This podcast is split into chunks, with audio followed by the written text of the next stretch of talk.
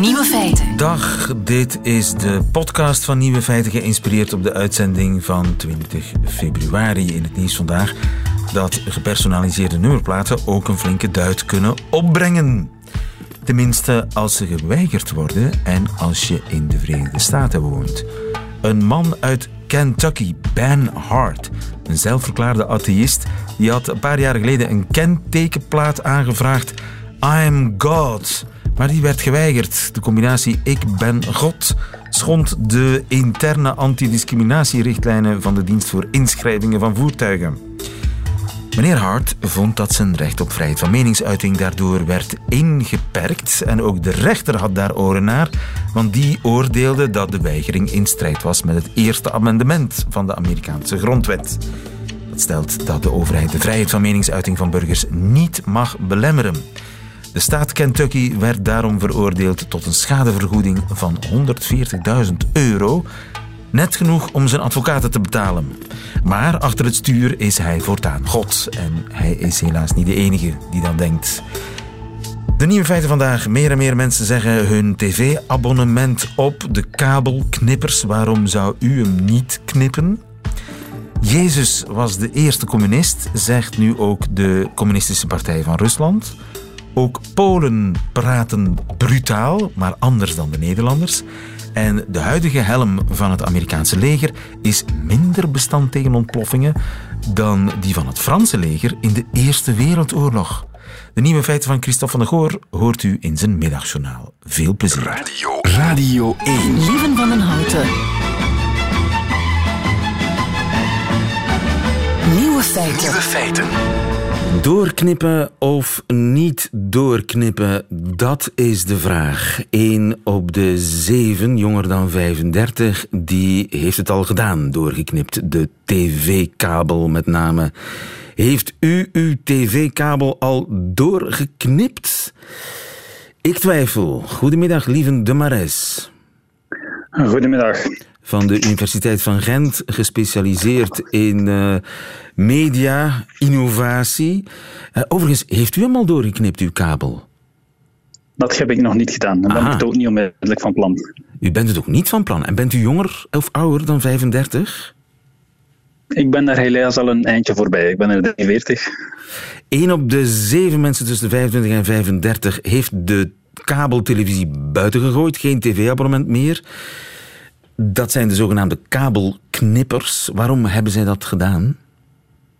Wel, dat is eigenlijk omdat in digitale tijden hun uh, kijkgewoontes uh, heel sterk aan het veranderen zijn. Uh, dat zijn mensen voor wie eigenlijk het tv-kijken bovenop het klassieke zendergestuurde kijken, krijgen we heel sterk platform, uh, internetplatform gebaseerd aanbod. Aan de ene kant hebben we Netflix uh, voorop, die heel hard groeit, maar uh, aan de andere kant ook de platformen van de lokale zenders, zoals VTM Go, zoals VRT Nu, die gigantisch snel aan populariteit winnen. En dan, dat maakt dat ze daar hun gading vinden en hun toegang tot de content die ze willen, dat ze eigenlijk dat kabelabonnement niet onmiddellijk meer nodig hebben. Ja, en de voorwaarde is natuurlijk dat je je televisie rechtstreeks aan het internet koppelt.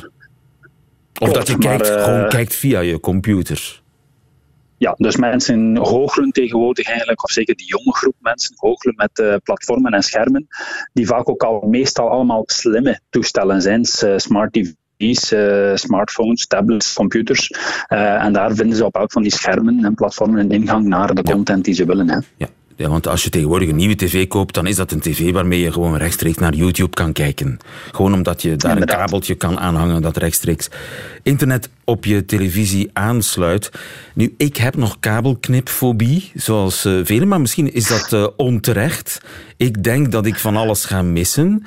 Ik kijk bijvoorbeeld graag naar de BBC. Als ik mijn kabel knip, dan mis ik dat. Denk ik. Of ben ik verkeerd? Ja, Nee, dus ik denk dat zijn uh, de twee zaken. Dus kabelknipfobie, zoals je het heet. Ik denk dat we vooral ook gewoontedieren zijn. Uh, wij, zijn gewend om uh, altijd via een bepaalde manier op tv te kijken. En de groep die nu die kabel knipt of links laat liggen, dat is een groep die voor het eerst van onder moeders vleugels komt, laten we zeggen. Voor het eerst op eigen benen staat en voor het eerst een eigen tv-menu of kijkmenu gaat samenstellen. En voor hen valt die kabel daar niet meer bij. Maar die groep moeten we ook niet gaan dramatiseren. Het is altijd nog maar 6% van Vlaanderen of 15% van die jongeren. Als u naar de BBC wilt kijken, ja, dan hoort u nog altijd bij die andere 85%. Ja. Uh, ik kijk bijvoorbeeld graag uh, ook naar de Nederlandse televisie. Ik kijk graag naar Nieuwsuur, naar uh, Lubach op zondag. Dus... Perfect, ja, dan bent u ook een, een, een, een jongleur met, met verschillende platformen en zenders. Ah, ja. wie is die combinatie? daarvoor, heb ik, daarvoor heb ik de kabel niet nodig. Voor de uh, Nederlandse nee, televisie. Wel, ah ja, ik heb de kabel ja, nodig. U, u, ja, en dan bent u een mooi voorbeeld van de, van de meerderheid van de Vlamingen die nog altijd eigenlijk de, het oude en het nieuwe volop combineert. Ja. Kan ik overigens ter zake en de afspraak live zien, alleen via internet? Uh, ik denk dat dat kan, daar ben ik zelf niet zeker. Ja, dus dat zou... Want ik wil niet het nieuws van gisteren zien, hè, want dat streamen ze natuurlijk. Maar overigens, waarom zendt de VRT eigenlijk niet gewoon alles uit via internet? Misschien een domme vraag, maar... Um, dat weet ik niet. Dat kan u aan het huis zelf vragen, denk ik. Heeft dat met de rechten te maken, omdat dan de hele wereld kan meekijken naar alles wat de VRT uitzendt, ook buitenlandse series? Wellicht. Nee, maar ik denk dat het tot, tot, tot voor kort ook te maken had dat België is altijd een heel dicht bekabeld land geweest. Hè. Quasi iedereen is via kabel bereikbaar en tot voor kort was dat via internet nog geen evidentie. Hè. Dat is pas recent dat je dat kan gaan verwachten, dat mensen allemaal via internet uh, bereikbaar zijn. Ja, uh, en uh, bij Telenet bieden ze alles in pakketten aan. Is dat eigenlijk nog van deze tijd? Misschien is dat een reden waarom ze achteruit boeren dat ik eigenlijk als klant niet echt kan kiezen. Als ik iets wil, dan moet ik er een heleboel andere dingen bij nemen die ik niet wil. Ja, dat, dat zie je ook wel, dat alsmaar meer mensen eigenlijk zelf de keuze willen maken van het menu, het kijkmenu die ze zelf samenstellen. En dan geen genoegen nemen met een pakket van een operator of een zendschema van een, van een zender die door iemand anders is samengesteld. Ze willen zelf min of meer aan het stuur zitten van hun eigen kijkervaring. Um, en dan gaan we links en rechts shoppen en zelf een kijkavond of kijkmenu gaan samenstellen. Ja. Dus als Telenet of eh, Proximus bij de tijd wil blijven, dan moeten ze daarin mee. Dan moeten ze de, de gebruiker meer keuze geven. Absoluut. En uh, dat, dat, denk ik doen ze ook. Hè. Ik denk als je ziet waar, waar de Vlaming vandaag, uh, zowel van de zenders als de operatoren, wat ze allemaal combineren, en, en met het, uh, de Vlaamse Netflix die in de stijger staat, hoe het ook mogen heten, is een nieuw ijzer in het vuur om de kijker zelf via het internet over de top dan, zoals dat dan heet, uh, een eigen uh, ervaring te laten samenstellen. Hè. Ja. Dus de operatoren Telenet en de kabelmaatschappijen, als ik zo'n ouderwets woord nog mag gebruiken, die zijn nog niet overbodig. Die zijn nog niet uh, uit de tijd. Die kunnen nog mee. Absoluut, nee. Die, die zijn zeker nodig in die nieuwe kijkervaringen. En, ja, die moeten niet bang zijn dat de kabelknippers in de meerderheid komen. Nee, en op dat vlak is Vlaanderen uh, nog altijd een stuk heel wat traditioneler dan, dan de andere landen. Hè. Zoals in, in Nederland gaat dat wel een pak harder. Omdat wij uh, luier zijn? Luier? Eh, nee, ik denk dat, dat we traditioneler zijn. Misschien ook ja, en dan ook wat meer vasthangen wellicht aan die gewoontes, aan, ook aan die Vlaamse content die we, die we nog altijd in ons DNA bezitten. Hè. Ja, dus de kabelknippers, uh, ze groeien, maar ze zijn nog niet in de meerderheid. Dankjewel, lieve de Mares. Goedemiddag. Nee, alsjeblieft. Nieuwe feiten. Of en waarom niet en waarom dan eventueel wel de VRT zijn volledige lineaire aanbod niet gewoon op internet uitzendt? Babette? We Ja. weten het intussen. Ja, je kunt gewoon als je de VRT Nu-app downloadt, kan je klikken op live kijken en dan kan je gewoon zien wat dat er op dit moment op tv is. Bijvoorbeeld, ja, nu is dat denk ik nog de winterbeeld, maar straks is De dat de, afs- de afspraak en ter zaken en zo. Dus je hebt die kabel denk ik niet nodig. lieve. Dus als je... Jij bent een knipper, hè? Ja, ja. ik heb nog nooit een tv-abonnement gehad. Ja. En ik mis niets. Hoe modern allemaal. Nieuwe feiten. Mocht hij een graf hebben, dan zou Lenin er zich in omdraaien. Want de Russische communisten, die geloven tegenwoordig in God. Geert Groot-Koerkamp, goedemiddag. Goedemiddag. Onze man in Rusland. Op eh, 22 april, de 150ste verjaardag van Lenin, wordt er, heb ik begrepen, in Rusland gestemd over een paar toevoegingen aan de grondwet over God. Met goedkeuring van de communisten. Klopt dat? Uh, nou ja en nee. Die, die, die, stemming die zal ongetwijfeld gaan plaatsvinden. Uh, maar of daar zal worden ge, gestemd uh, over een toevoeging uh, of het, het, woord God dat zal worden opgenomen in de grondwet. Dat is nog zeer de vraag. Maar het is, uh, het is wel een van de suggesties die de afgelopen weken zijn gedaan. Hè. De, de, er komen grondwetswijzigingen aan en er is nu een periode waarin ja, zo'n beetje iedereen uh, met ideeën kan komen wat er dan nog in die grondwet verder kan worden opgenomen of toegevoegd. En de patriarch van de Russisch-Orthodoxe Kerk die heeft het idee gelanceerd niet zo lang geleden om dan het woord God maar daarin op te nemen omdat de meeste Russen toch Russisch-Orthodox zijn of of zeggen te zijn. Uh, en dat zou, dat zou uh, zeer wel passen. Nou, en, en de communistenleider Gennady Zyuganov uh, in Rusland, die heeft dat idee van harte ondersteund. Dat is een beetje de situatie. Ja, en daar schrik ik een beetje van, maar dat komt natuurlijk omdat ik de Russische situatie niet echt van heel nabij volg. Want in mijn ja, herinnering heeft Karl Marx geschreven dat religie opium van het volk was.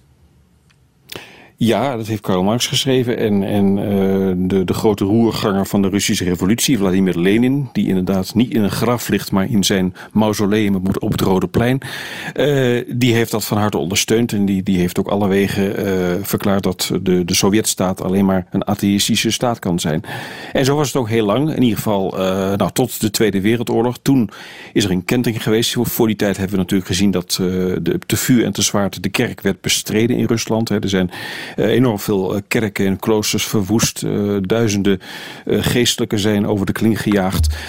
maar toen Stalin doorhad dat het slecht ging in de oorlog, toen heeft hij toch een knieval gemaakt naar de kerk en gedacht van hé, hey, die kerk kunnen we misschien toch maar beter te vriend houden in deze moeilijke situatie. En eigenlijk sindsdien heb je gezien dat, ja, dat er toch sprake is geweest in de jaren na de oorlog van een, ja, een, een soort symbiose tussen, tussen kerk en staat. En na de invallen van de Sovjet-Unie had je een hele nieuwe situatie toen had je nog wel de communistische partij. Maar dat bleek in één keer niet meer echt de ideologische communistische partij van Vladimir Lenin te zijn. Maar een, ja, een partij met een, hele andere, uh, met een hele andere doelstelling ook. Dus de communistische partij eigenlijk niet communistisch? In feite, uh, ja, in, na, in, naam natuurlijk wel. En ze hebben nog de hamer en sikkel en de, de rode vlag. En ze, ze lopen mee in de 1 mei-demonstratie. Uh, en dat zijn allemaal die attributen, attributen die erbij horen. Maar in feite, ja, is, is die communistische partij meer een soort ja, nationalistische partij. Hè, waarin eh, die, die, die met nostalgie terugkijkt naar de Sovjet-Unie. Maar tegelijkertijd ook Rusland ziet als een grootmacht.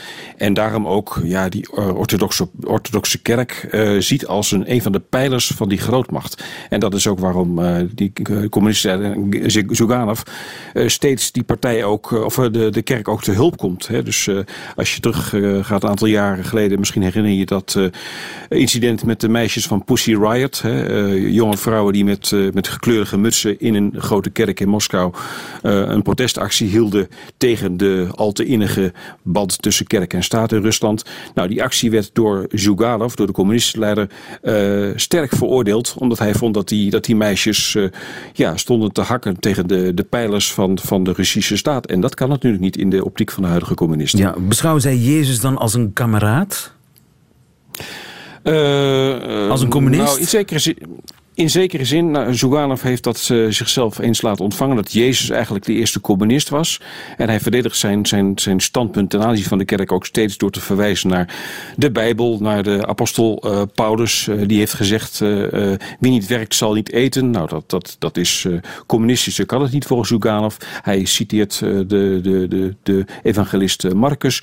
Dus, dus, dus hij probeert die, die nieuwe lijn van zijn partij ja, op die manier te omkleden om die, ja, die, die paradox, want dat is het toch in feite wel, uh, om die uh, te verklaren. Ja, de communisten zijn niet langer tegen Jezus. Maar dat is eigenlijk gewoon pure machtspolitiek. Ik bedoel, de, de kerk is machtig, dus je kunt ze maar beter te vriend houden. Uh, in zekere zin wel, ja. De, de, de, communisten van nu zijn natuurlijk hele grote opportunisten. Hè. En het feit dat ze, uh, dat ze nog in de Duma mogen zitten in het parlement, dat, uh, dat hebben ze ook daaraan te danken. Dus in, in woord bekritiseren ze Poetin en het Kremlin en de regering wel. Maar in daad zijn ze ongelooflijk loyaal en mogen ze dus in die hoedanigheid van officiële oppositiepartij tot op de dag van vandaag nog in het parlement zitten. En dat is eigenlijk best een verrassing, want in jaar 1991 toen de boel uit elkaar viel, dacht iedereen, nou die communistische partij, ja dat is nog een paar, paar jaar. Dat zijn nog wat oude vrouwtjes die daar nog uh, toe behoren. En als die eenmaal zijn overleden, dan is die partij, is het over en uit met die partij. Maar dat is niet, uh, niet gebleken. En dat komt dankzij het feit dat die partij zo, juist zo opportunistisch is. Duidelijk. Dankjewel Geert Grootkoerkamp. Goedemiddag. Nieuwe feiten.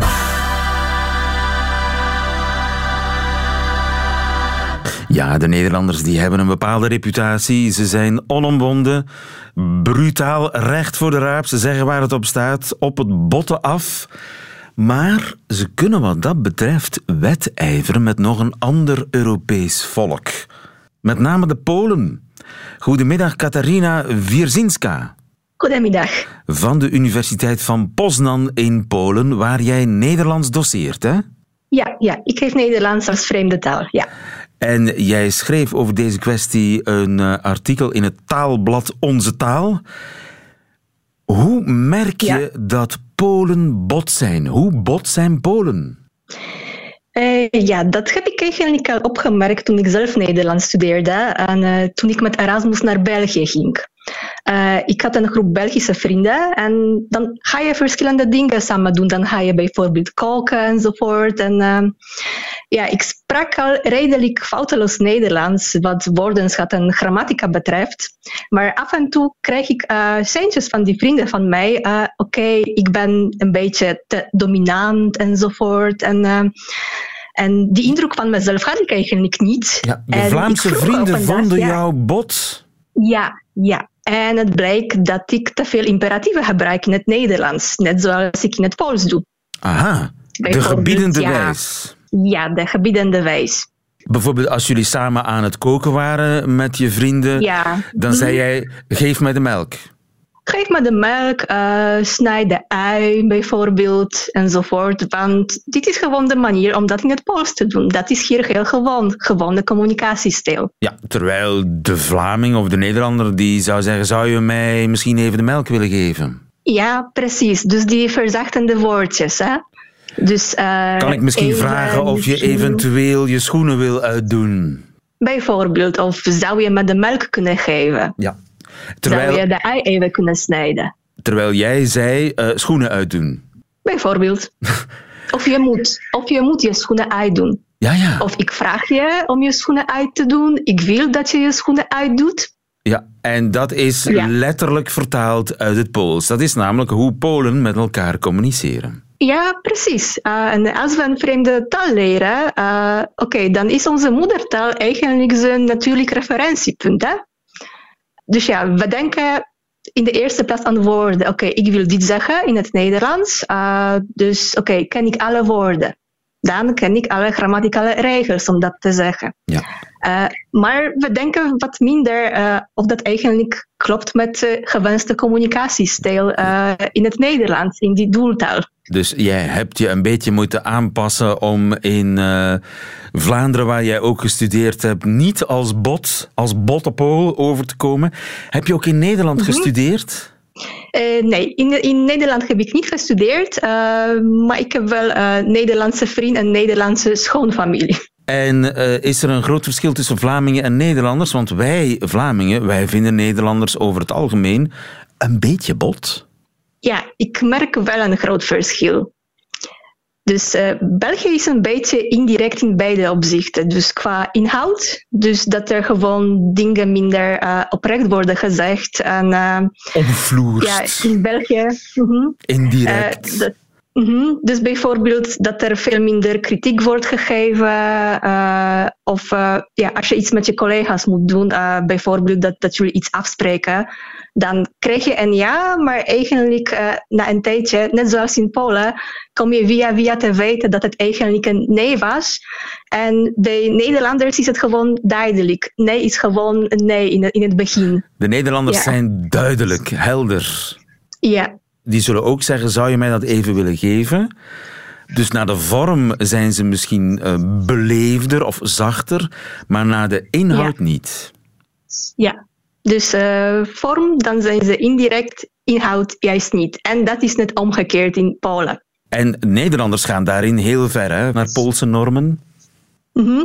Ja, dus uh, Nederlanders komen heel bot en heel direct over uh, in Polen. Uh, vooral omdat ze heel veel persoonlijke vragen stellen. Zoals? En bijvoorbeeld, oké, okay, situatie als een familielid overlijdt. Bijvoorbeeld. Dan in Polen blijft het bij gecondoleerd. En verder vraag je gewoon niks. Uh, je vraagt niet hoe oud die persoon was. Uh, je vraagt niet uh, waar hij of zij aan is overleden enzovoort. Je vraagt eventueel als de familie dat zelf wil vertellen. Terwijl in Nederland dat heel gewoon is om dit soort details te vragen. Ja, je mag alles vragen. Ja, ja, ja. ja. Totdat het op een beleefde manier gaat. Qua vorm. Ja. En jij hebt een Nederlandse man of Nederlandse familie? Ja, Nederlandse, Nederlandse schoonfamilie, uh, Nederlandse vriend, ja. En leidt dat vaak tot misverstanden? Uh, nee, bij ons eigenlijk niet. Uh, want we weten al genoeg van beide communicatiestijlen. Dus uh, voor ons is er meer om, om, om, om te lachen. Bijvoorbeeld met mijn vriend ben ik soms een beetje kortaf. Je noemt dat telegrafische stijl. Bijvoorbeeld, oké, okay, weer als we ja, samen iets koken en hij komt en die vraagt, ja, oké, okay, hoe kan ik je helpen met eten klaarmaken? En dan zeg ik zoiets van, ja, oh ja, die wortels. Pak de wortels. En dan heb je zoiets, ja, en dan bedoel ik, oké, okay, kan je even die wortels kunnen snijden? Maar dan zeg ik gewoon al die wortels. Ja, ja, ja. Uh, ja, en dan uh, lacht hij gewoon en uh, hij zegt, oké, okay, en ja, wortels, wat daarmee? Maak eens een hele zin van.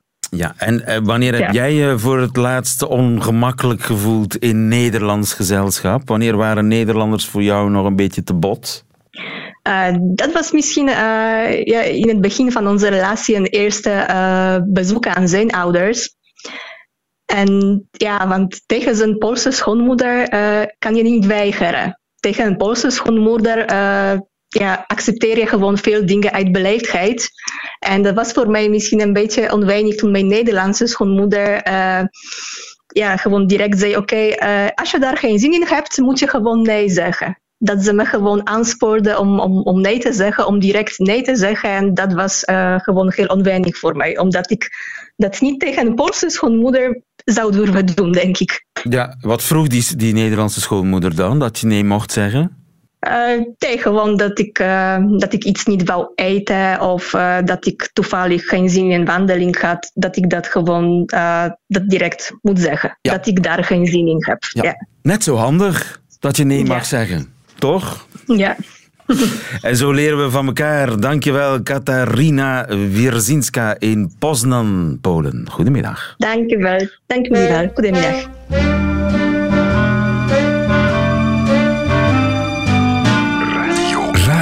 1.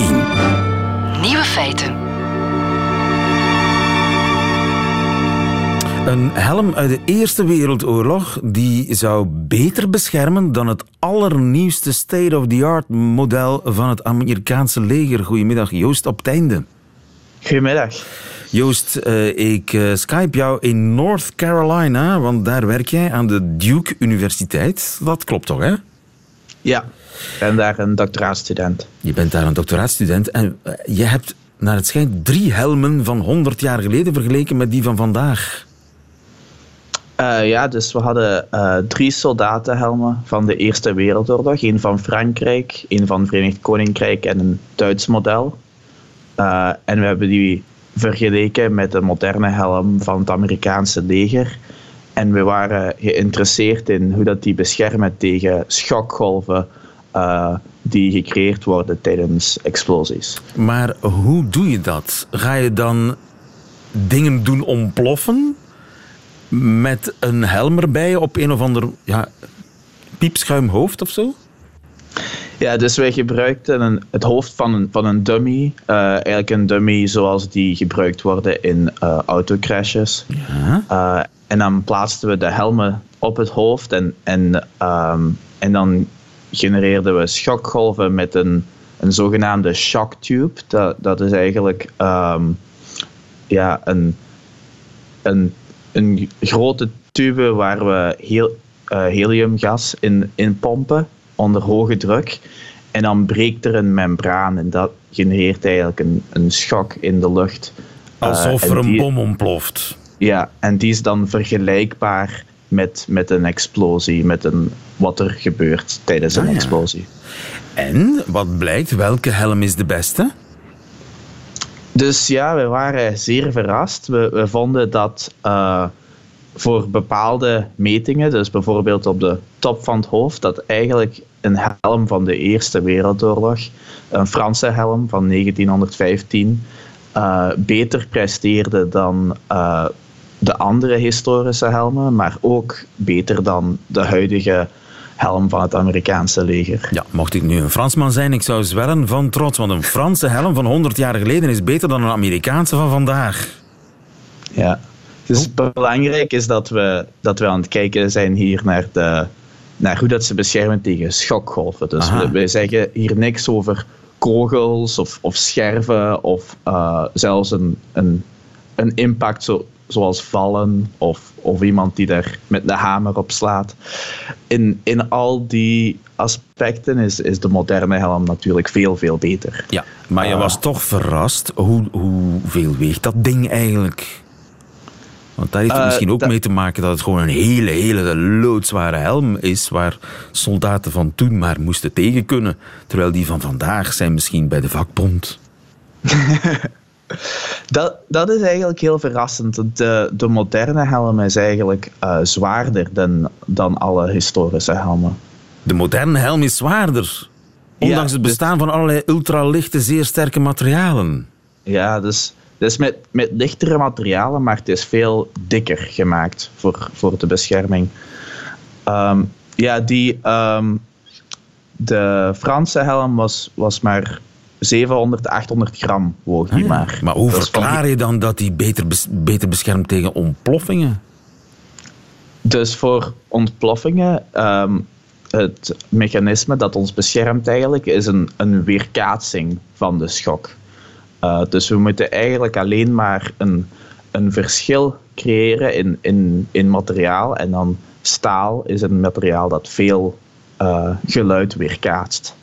En eh, een schokgolf eh, volgt eigenlijk een beetje de, dezelfde, eh, dezelfde regels. En ehm, dus een materiaal dat, dat goed geluid weerkaatst, weerkaatst ook een, schok, een schokgolf heel goed. Ja.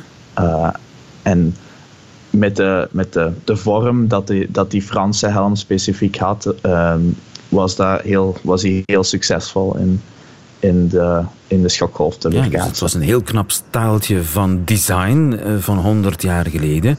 Nu, die hedendaagse Amerikaanse helm die zal wel heel veel andere voordelen hebben die dan opwegen tegen die schokbestendigheid. Maar als ik jou nu naar het front stuur, welke helm zet je op?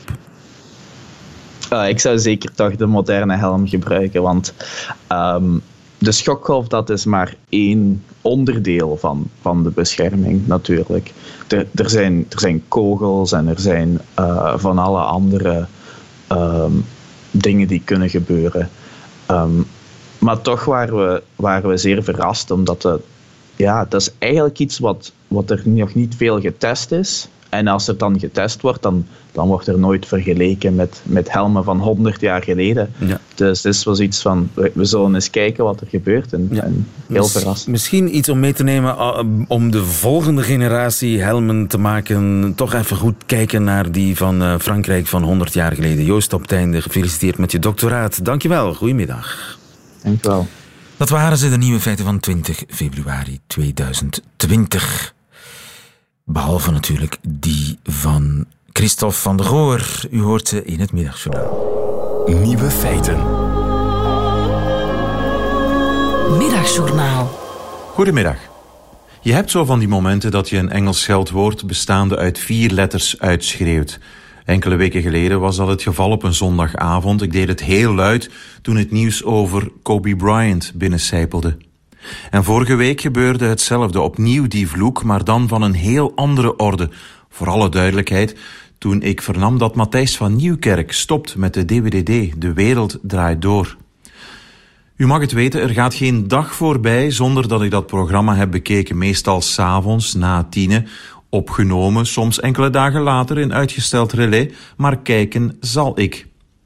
Wat een presentator, wat een programma. Of het nu gaat over een nieuwe show van Freek de Jonge, Uitleg van terrorisme-expert Beatrice de Graaf, duiding van een misdaadjournalist over de Amsterdamse onderwereld, de aan te bevelen boeken van het moment. Het is bijna altijd zeer interessant. En dan mag ik uiteraard Nico Dijks horen op zijn vaste woensdagavond niet vergeten. Drie onderwerpen per aflevering, enorm gevarieerd, toppresentator. En uiteraard heeft die Matthijs van Nieuwkerk ook wel zijn lievelingen. Ja, krijgt daar soms wel wat kritiek voor. Zijn fifiekes, zeg maar, vaak terugkerende gasten zoals Mark-Marie Huibrechts, Mart Smeets of Euskan Akjol, Eus voor de vrienden. Net als muzikant Jet Rebel, geboren als Jelte Tuinstra. Bij ons misschien niet zo bekend, maar in Nederland toch een fascinerend rock'n'roll figuur. Twintiger, ogenschijnlijk extravert met gelakte nagels, soms een heel opvallend kapsel en met een grote bek, maar in feite al jong worstelend met depressies, onzekerheden en de nodige verslavingen. Jet Rebel gaat opnieuw toeren en dat mocht hij dan in de wereld door komen vertellen. Dat is bijna een garantie op een goede ticketverkoop. In zijn eentje gaat hij op pad zonder band te beginnen in Carré. Met een leuk concept, want het publiek mag op voorhand een kaartje met een verzoeknummer in een ouderwetse doos stoppen. Een postbus. Jawel, en daaruit kiest hij dan en maakt hij zijn concert vol. Hij deed zijn uitleg en speelde in de studio Africa van Toto op zijn elektrische piano. Niet slecht, maar het bezorgde me geen kippenvel. Tot hij aan Purple Rain van Prince begon. Never meant to cause you any sorrow, zong hij. Matthijs van Nieuwkerk glimlachte en keek meteen naar zijn vrouwelijke gasten aan tafel, die een verliefde blik niet onder stoelen of banken kon steken. De haren kwamen recht, de zangen strooiden tussen de zinnen door enkele Motown-achtige kreetjes, alsof het niets was. De camera zoomde heel soepel in op schrijfster Connie Palme, die net te gast was geweest. Ze lachte gelukzalig en vertederd. Ik kon een opwellende traan niet bedwingen en dacht vol bewondering: wauw, als je mensen zo kunt beroeren en bij hun nekvel kunt grijpen, wondermooi. Echt waar. Jet Rebel en DWDD. Gewoon even googelen tijdens uw middagpauze en u kan er weer helemaal tegenaan.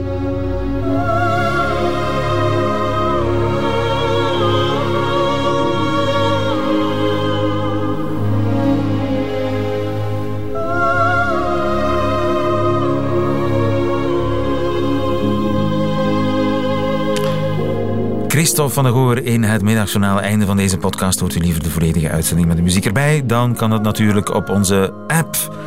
En meer uh, fijne podcasts vindt u ook op onze site. Tot een volgende keer.